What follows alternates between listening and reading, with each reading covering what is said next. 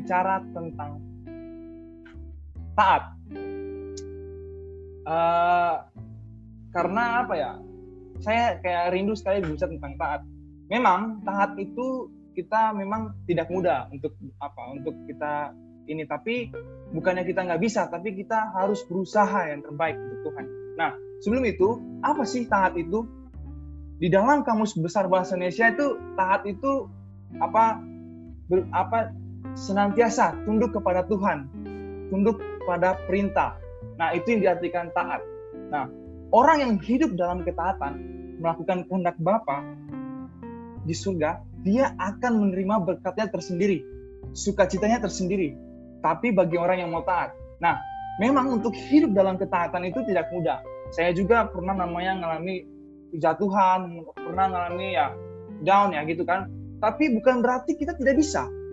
Persoalannya adalah apakah kita mau apakah kita mau uh, taat atau tidak. Itu sih.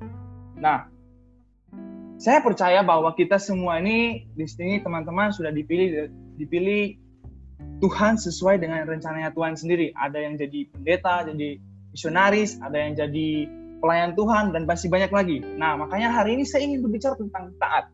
Nah, banyak sekali di Alkitab banyak yang contoh-contoh apa eh, orang-orang uh, yang taat, ada orang yang tidak taat, banyak. Tapi tidak mungkin saya bahas semuanya kan, karena nanti kalau saya bahas semuanya malah ngantuk nanti.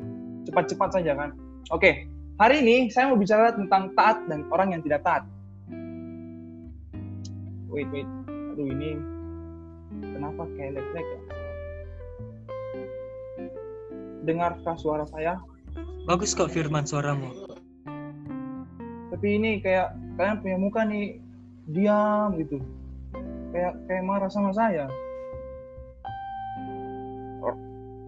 Oke, okay. hari ini saya mau bicara tentang orang yang taat dan orang yang tidak taat. Yang pertama adalah saya mengambil orang yang taat ya. Contoh saya ngambil adalah Abraham. Mungkin teman-teman bilang gini, ah Abraham saya sudah mendengar ya, kenapa harus sih harus bicara tentang Abraham, Abraham terus? Karena kan saya sudah dengar, saya sudah mengerti gini-gini. Bukannya bukannya gini ya, bukannya kita bilang ah saya sudah dengar, tapi apakah kita sudah pernah kita melakukannya atau tidak? Nah makanya hari ini saya mau bicara tentang Abraham dan yang orang yang tidak taat adalah si Yunus. Nah gini, Abraham adalah orang yang begitu taat terhadap perintah Tuhan. Bahkan ya, waktu dia di zaman eh di zona nyaman, dia di zona nyaman, Tuhan suruh dia begini, kamu harus pergi ke, ke tanah perjanjian. Apa yang dilakukan Abraham? Malah dia menuruti perintah Tuhan. Terkadang kita waktu di zaman di zona nyaman, pasti kita bilang gini, aduh Tuhan, di sini udah enak loh. Kenapa sih harus pindah-pindah lagi? Saya mau di sini, gini gini gini. Terkadang kita mulai bilang kita kayak apa ya? Bicara sama Tuhan, Tuhan kenapa sih harus pindah gini, pindah gini? Padahal Tuhan mau kita yang terbaik gitu. Teman-teman mengerti kah atau bagaimana? Maaf, saya bahasa ini agak kasar karena dari Dubai soalnya. Dan kita lihat juga Abraham ini dia beriman dia imannya sangat apa ya sangat besar kepada Tuhan dia dia umur 75 tahun dan dia beriman sama Tuhan Tuhan, saya ingin sekali mempunyai anak yang akan melanjutkan uh, saya, ahli waris saya. Lihat Tuhan dengar doanya dia, tapi lihat dia, Tuhan bukan apa ya? Ada saatnya Tuhan menjawab gini. Terkadang kita bilang gini, Tuhan kok doa saya nggak dijawab? Dijawab, apakah Tuhan nggak dengar? Tuhan pasti menjawab, tapi ada saatnya. Karena Tuhan pasti menjawab, ada yang 20 tahun, ada yang lima tahun, ada yang ini. Saya mau kesaksian ya teman-teman uh, saya gimana ya saya ada saya sharing kepada kemarin sama Abir kan jadi pas dulu pas bulan kemarin kalau nggak salah saya tuh dapat berkat lah. Dari ada lah berkat. Terus itu uang saya sebenarnya mau nabung untuk beli saxophone kan.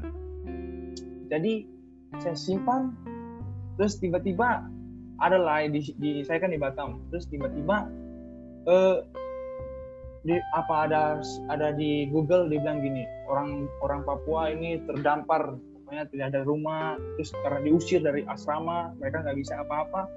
Nah akhirnya saya, saya datang ke sana kan. Sana terus saya post lah apa siapa yang mau menolong gitu kan. Tapi nggak ada.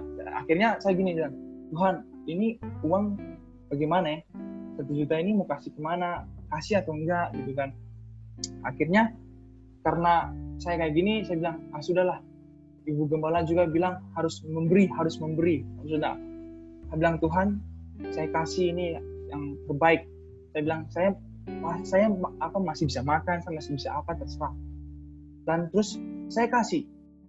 Berapa berapa hari saya bilang aduh pengen banget punya saksofon. Itu saya punya saksofon tuh uh, dari tahun lalu malahan. Pas saya ulang tahun tanggal 13 Mei itu saya pengen sekali tapi tidak dijawab saya bilang ah ini mungkin belum saatnya. Sudah.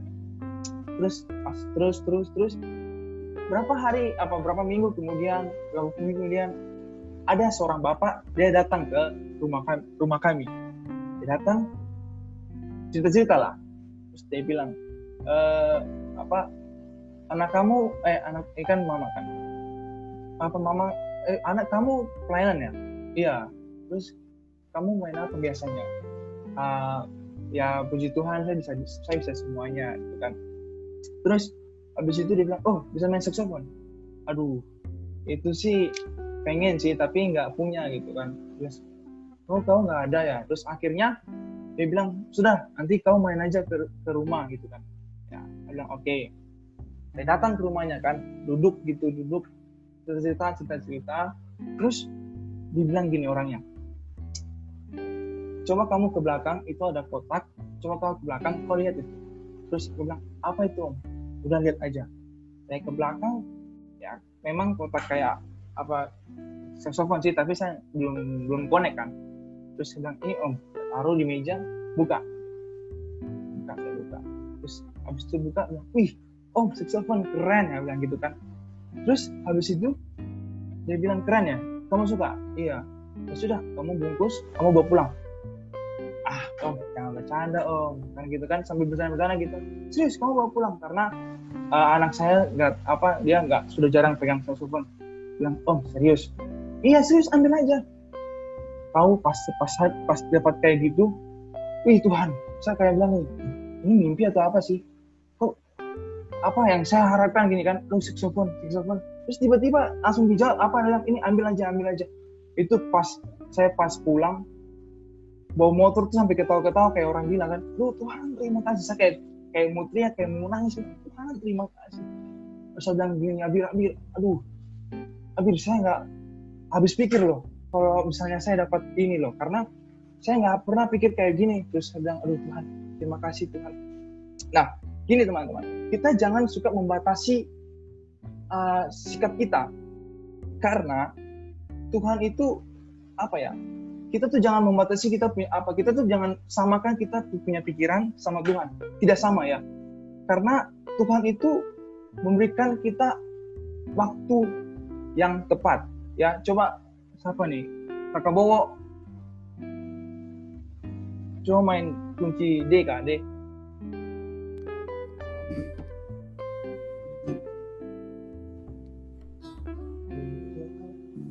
eh eh eh oke okay. waktu Tuhan pasti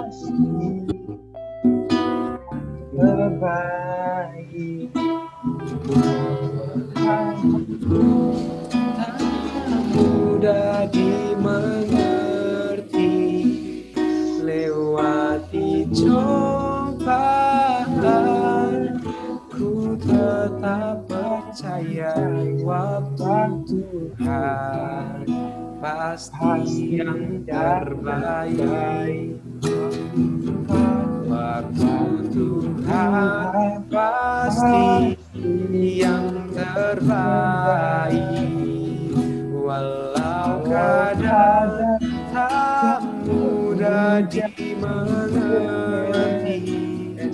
lewati cobaan tetap percaya waktu Tuhan pasti yang terbaik. Amin. Nah, teman-teman, ah sebelum itu kita coba dulu kita buka apa ayat firman Tuhan kan tidak formal kalau misalnya kita nggak buka ayat firman Tuhan. Oh, Coba si kakak Joseph bisa tol minta tolong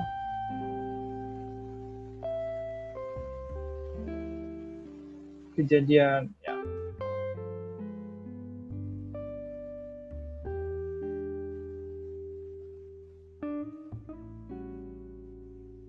Aduh. Mungkin eh, saya bisa minta tolong kakak kakak Koko Sam Koko Samuel bisa baca ayat 1 sampai 5.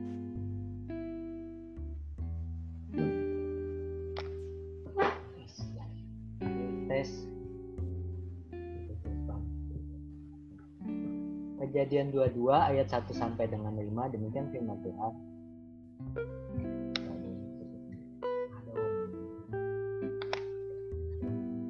Setelah semuanya itu Allah mencoba mencoba Abraham. Ia berfirman kepadanya, "Abraham," lalu sautnya, "Ya Tuhan," firmannya, "ambillah anakmu yang tunggal itu yang engkau kasihi, yakni Ishak, pergilah ke tanah Moria dan persembahkanlah dia di sana sebagai korban bakaran pada salah satu gunung yang akan kukatakan kepadamu.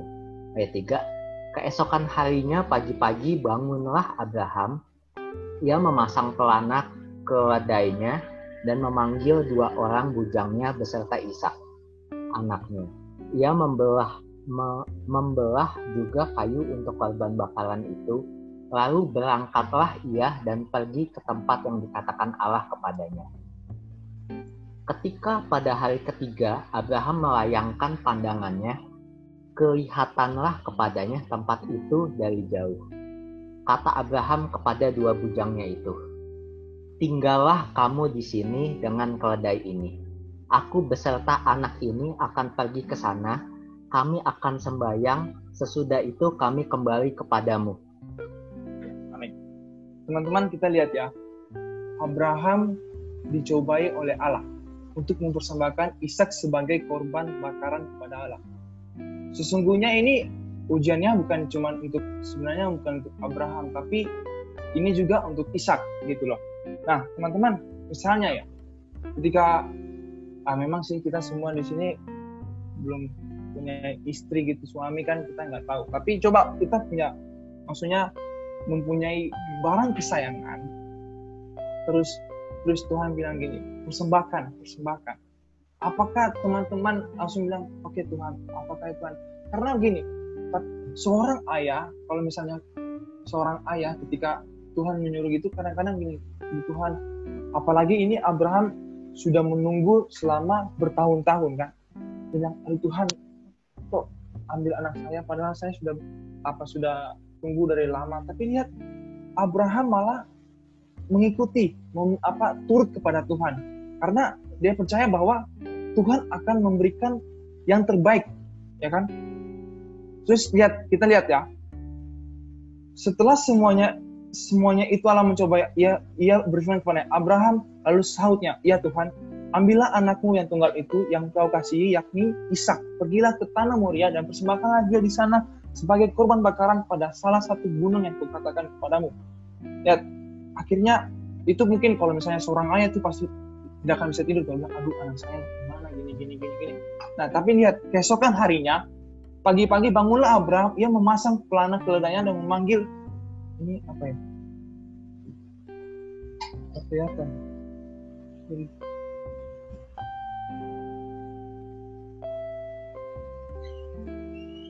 Jo ada Oke.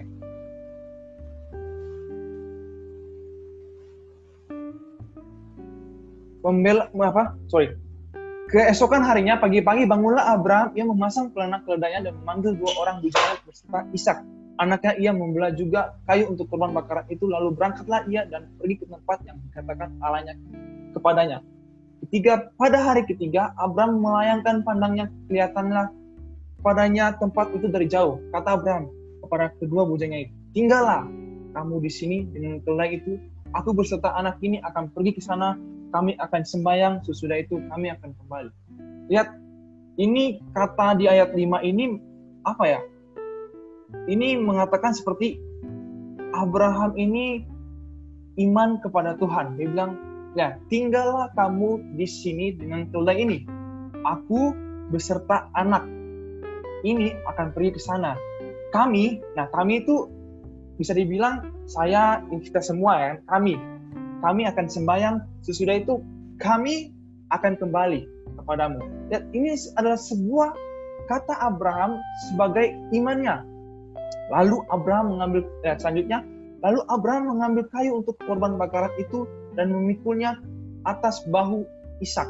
Anaknya itu sedang di tangannya di bawahnya api dan pisau. Nah, sabar. Di ayat 2 itu merup apa? Di ayat yang ini dia bilang lalu berkatalah Isa kepada Abraham ayahnya, "Bapak, saud Abraham, ya anakku." Bertanyalah ia. Di sini sudah ada arang eh sudah ada api dan kayu, tetapi di manakah anak domba untuk korban bakaran itu? Nah, ini ini di sini ada lagi imannya Abraham kepada Tuhan Sahutnya, sahut Abraham, Allah yang akan menyediakan anak domba untuk korban bakaran baginya anakku. Demikianlah keduanya berjalan bersama-sama. Itu mungkin pada waktu pas lagi jalan-jalan itu pasti kayak gini. Si si Isa pasti mikir gini. Aduh mana sih? Maksudnya kok bawa cuman bawa kayu tapi masa dombanya nggak ada terus korban bakarannya nggak ada pasti juga uh, mungkin Abraham mungkin pas lagi perjalanan dia bingung aduh apa mungkin ada rasa takut gitu kan. Tapi kita lihat bahwa Abraham bilang gini Allah yang akan menyediakan anak domba untuk korban bakaran baginya anakku. Demikianlah keduanya berjalan bersama-sama. Sampailah mereka ke tempat yang dikatakan Allah kepadanya. Lalu Abraham mendirikan mesbah di situ. Disusunnya kayu diikatnya Ishak anaknya itu. Lihat sakit sekali ketika maksudnya lihat anak kita tiba-tiba kayak di apa kayak untuk jadi korban bakaran kayak aduh Tuhan. Mungkin kalau misalnya kita mempunyai anak ya terus tiba-tiba Tuhan bilang gini berikanlah itu kepada Tuhan. Pasti kita rasa aduh sakit ya kan? Nah tapi coba lihat ya sesudah itu Abraham mengulurkan tangannya lalu mengambil pisau untuk menyembelih anaknya. Tetapi berseluruh, berseluruh malaikat Tuhan dari langit kepadanya Abraham Abraham sahutnya ya Tuhan. Lalu berfirmanlah jangan bunuh anak itu dan jangan kau apa-apakan dia sebab telah ku ketahui sekarang bahwa engkau takut akan Allah dan engkau tidak segan-segan untuk menyerahkan anakmu yang tunggal kepadaku. Lihat, Abraham itu gimana ya? Saya lihat seperti kayak Abraham. Sebenarnya kita harus seperti kayak gitu, yang apa yang selalu mengikuti, yang taat kepada Tuhan karena ikuti itu apa ikuti proses dari Tuhan itu eh apa ikuti proses bersama Tuhan itu enak loh teman-teman. Ya memang pertama itu kayak sakit sakit itu. Kadang-kadang kita bilang, oh Tuhan gini gini gini gini. Tapi percayalah, ketika kita berjalan bersama Tuhan, kita taat kepada Tuhan, kita patuh, kita akan rasa kayak terima kasih Tuhan. Itu ada berkatnya tersendiri, sukacita tersendiri yang tadi saya bilang. Nah, tetap, tetapi coba lihat ya. Tetapi jika kita tidak taat kepada Tuhan nih, ketika kita tidak taat sama Tuhan, saya ambil contoh yaitu Yunus. Yunus ini bukan nabi yang baru pertama kali jadi nabi yang apa ya gitu ya.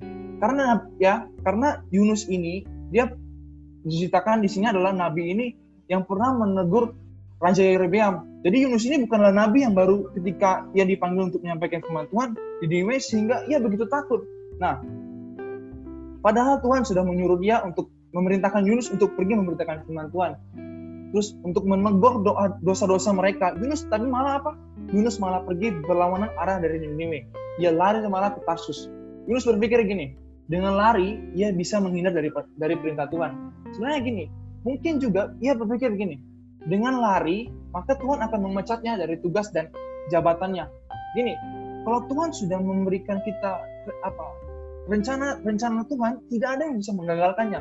Walaupun itu setan kayak walaupun itu orang kayak tidak ada yang bisa mengagalkannya. Karena rencana Tuhan tuh tidak ada yang bisa mengagalkannya. Jadi nggak perlu namanya bilang ah saya mending lari. Karena Tuhan tuh karena Tuhan tuh tahu segalanya gitu loh. Nah kita lihat sini dari pengalaman Yunus kita lihat ada kita melihat ada dua akibat karena kita tidak ketaatan. Lihat ya Meng, di ayat di ayat coba kita lihat di Yunus Yunus 1 ayat 4. Karena ini ya. Ini ini yang apa? Coba buka dulu di Yunus 1 ayat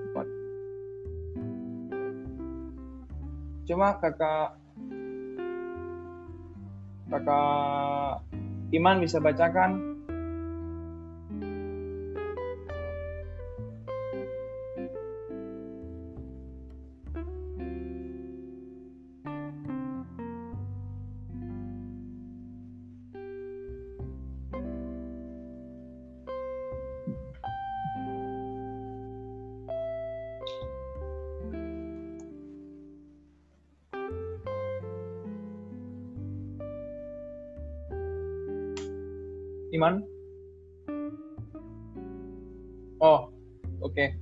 Coba kakak kakak bisa bahasa nggak bisa lihat soalnya.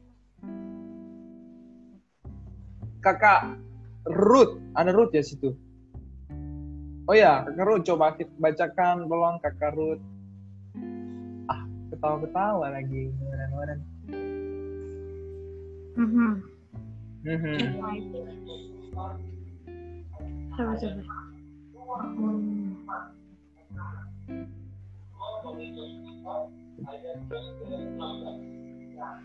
Ayat 4 ya.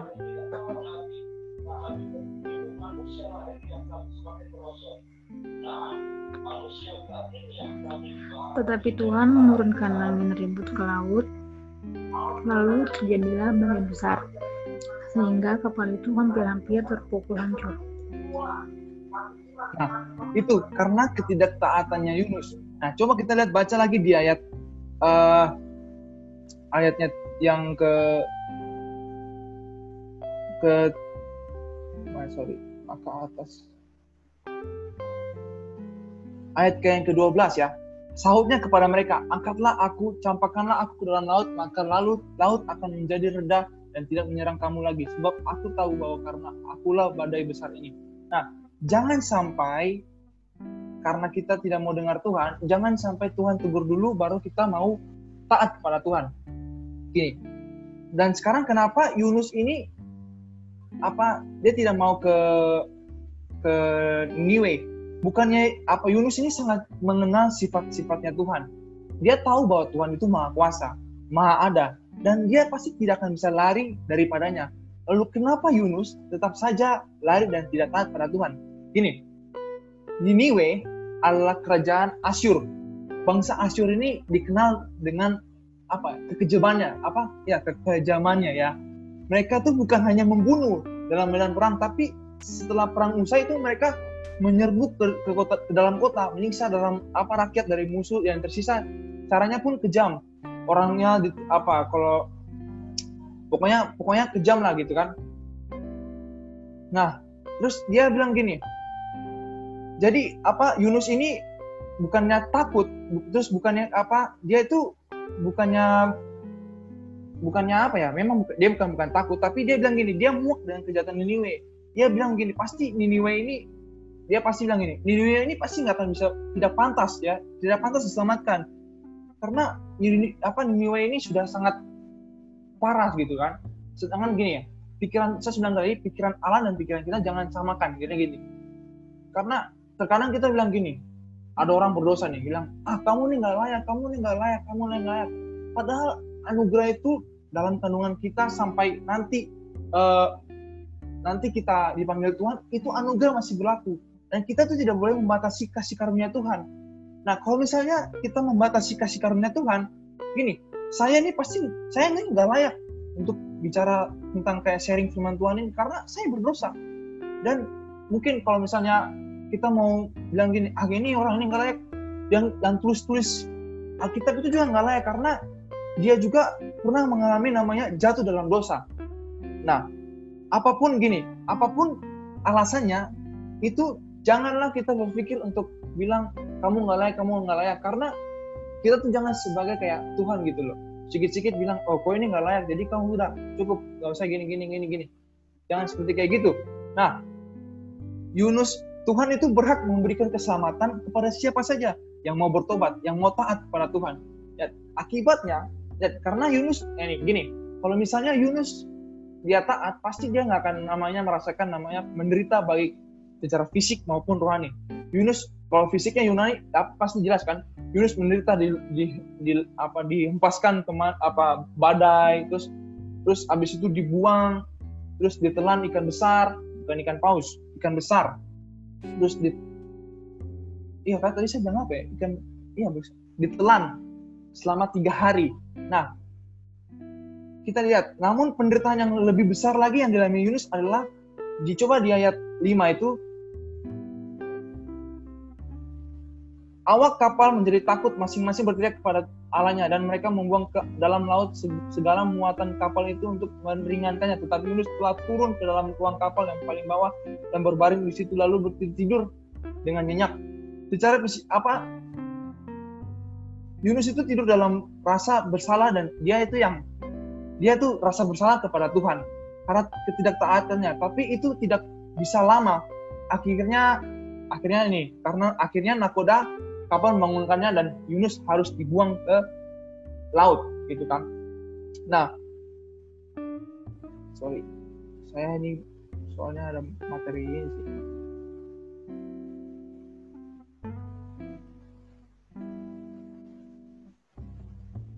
Ini adalah masalah besar. Jadi saudara bagaimana mungkin kita dapat berdoa kepada Tuhan yang sedang dihanyati ia lari ke, karena tidak taat Kini mungkinkah ia datang meminta pertolongan Tuhan yang sedang dijauhinya? Yunus mengalami gejolak dan pergumulan rohani yang sangat besar. Nah, aplikasinya adalah ketika memutuskan untuk ikut apa yang ini yang akibat yang lain menggelamkan orang lain dan penderitaan ketika memutuskan untuk ikut menumpang dalam kapal tersebut Yunus sama sekali tidak berpikir kalau ketidaktaannya akan berdampak pada orang lain apalagi kepada pelaut-pelaut yang tadi tuh dia tidak dia tidak berpikir kayak gitu. Dia pikir apa yang dialami adalah urusan pribadinya yang tidak ada kena mengena dengan orang lain. Tapi kejadian pada hari itu membuktikan bahwa masalah rohaninya berdampak pada orang lain juga. Ketidaktaatannya menyeret orang lain untuk ikut menderita. Jadi uh, saya menyimpulkan bahwa gini sering sekali kita sebagai anak-anak Tuhan di zaman sekarang ini masih bersikap seperti Yunus yang kita berpikir begini terjadi kerusakan apa kita melihat gini orang enggak dia sudah tidak taat. Dalam dalam Alkitab dia sudah tidak taat sudah dia sudah nggak layak. Itu adalah urusan kita pribadi. Kita tidak menyadari betapa besarnya penderitaan yang kita bawa pada orang lain. Akibatnya ketidaktaatan kita untuk memberitakan Injil kepada mereka. Kalau Yunus menjadi penyebab terjadinya badai itu tadi karena Tuhan untuk menghukum Yunus maka bagi kita pun sama. Badai kita hidup dibiarkan tetapi dalam kehidupan orang di sekeliling kita karena kita lari dari panggilan untuk memberitakan keselamatan itu. Jadi, mari kita mengambil waktu untuk memeriksa kembali kehidupan kita secara keseluruhan di hadapan Tuhan. Jangan sampai menunggu dipukul Tuhan dalam badai baru berbalik dan taat. Jangan sampai Tuhan hajar habis-habisan kita dulu. Jangan sampai Tuhan pukul kita dulu, baru kita taat, baru kita bertobat. Dan ini adalah kesimpulan yang harus belajar taat kepada perintah Tuhan. Memang untuk belajar taat itu tidak gampang. Ada tantangannya. Tetapi kalau kita taat sampai akhir hidup kita, pasti Tuhan akan memberkati teman-teman, akan memberikan kehidupan mahkota yang kekal pada teman-teman. Ingat, Tuhan tidak akan meninggalkan kita sendirian. Maka pentingnya kita harus banyak berdoa itu karena berdoa itu apa berkomunikasi sama Tuhan kita perlu namanya peka kepada Tuhan ketaatan kepada Tuhan itu adalah bukti kita mengasihinya. Karena ketaatan adalah bahasa kasih kita kepada Tuhan. Nah, coba kita coba baca di ayat Yohanes 14 ayat 21 itu, aku baca ya. Dikatakan, barang siapa memegang perintahku dan melakukannya, dialah yang mengasihi aku. Dan barang siapa mengasihi aku, ia akan dikasih oleh Bapakku, dan aku pun akan mengasihi dia dan aku menyatakan diriku kepadanya.